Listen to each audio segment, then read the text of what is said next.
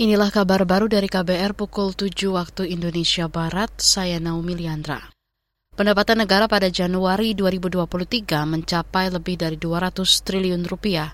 Menteri Keuangan Sri Mulyani mengklaim kinerja APBN yang optimal di awal tahun situasi dari Indonesia yang terus optimis namun waspada itu tergambarkan juga pada APBN pelaksanaan bulan pertama tahun 2023 ini. Pendapatan negara naik 48,1 persen. Ini adalah kenaikan yang lebih tinggi lagi dibandingkan akhir tahun 2022 mencapai 232,2 triliun atau 9,4 persen dari target. Ini tentu mencerminkan kondisi perekonomian secara keseluruhan.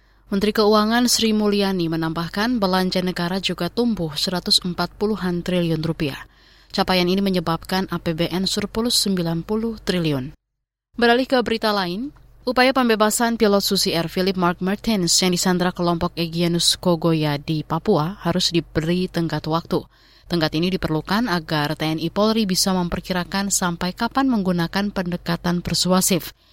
Kondisi dikhawatirkan makin mencekam jika prosesnya terlalu lama. Pandangan itu dikemukakan peneliti militer dari ISIS, Hairul Fahmi. Memang langkah persuasif itu memang harus dilakukan ya, dan itu saya kira bisa dipahami ya, karena e, mestinya langkah persuasif itu juga bisa dimaknai sebagai upaya mengalokasikan waktu yang memadai gitu ya bagi TNI dan Polri untuk menyiapkan langkah uh, represif jika diperlukan Hairul menambahkan pendekatan persuasif bertujuan membangun dialog damai. Selain itu juga untuk mencari celah, mengumpulkan informasi di lapangan, menyiapkan pasukan, dan strategi.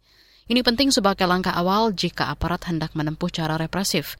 Pendekatan represif tentunya harus pula memperhatikan risiko dan keselamatan sandera serta warga setempat. Demikian kabar baru saya Naomi Liandra.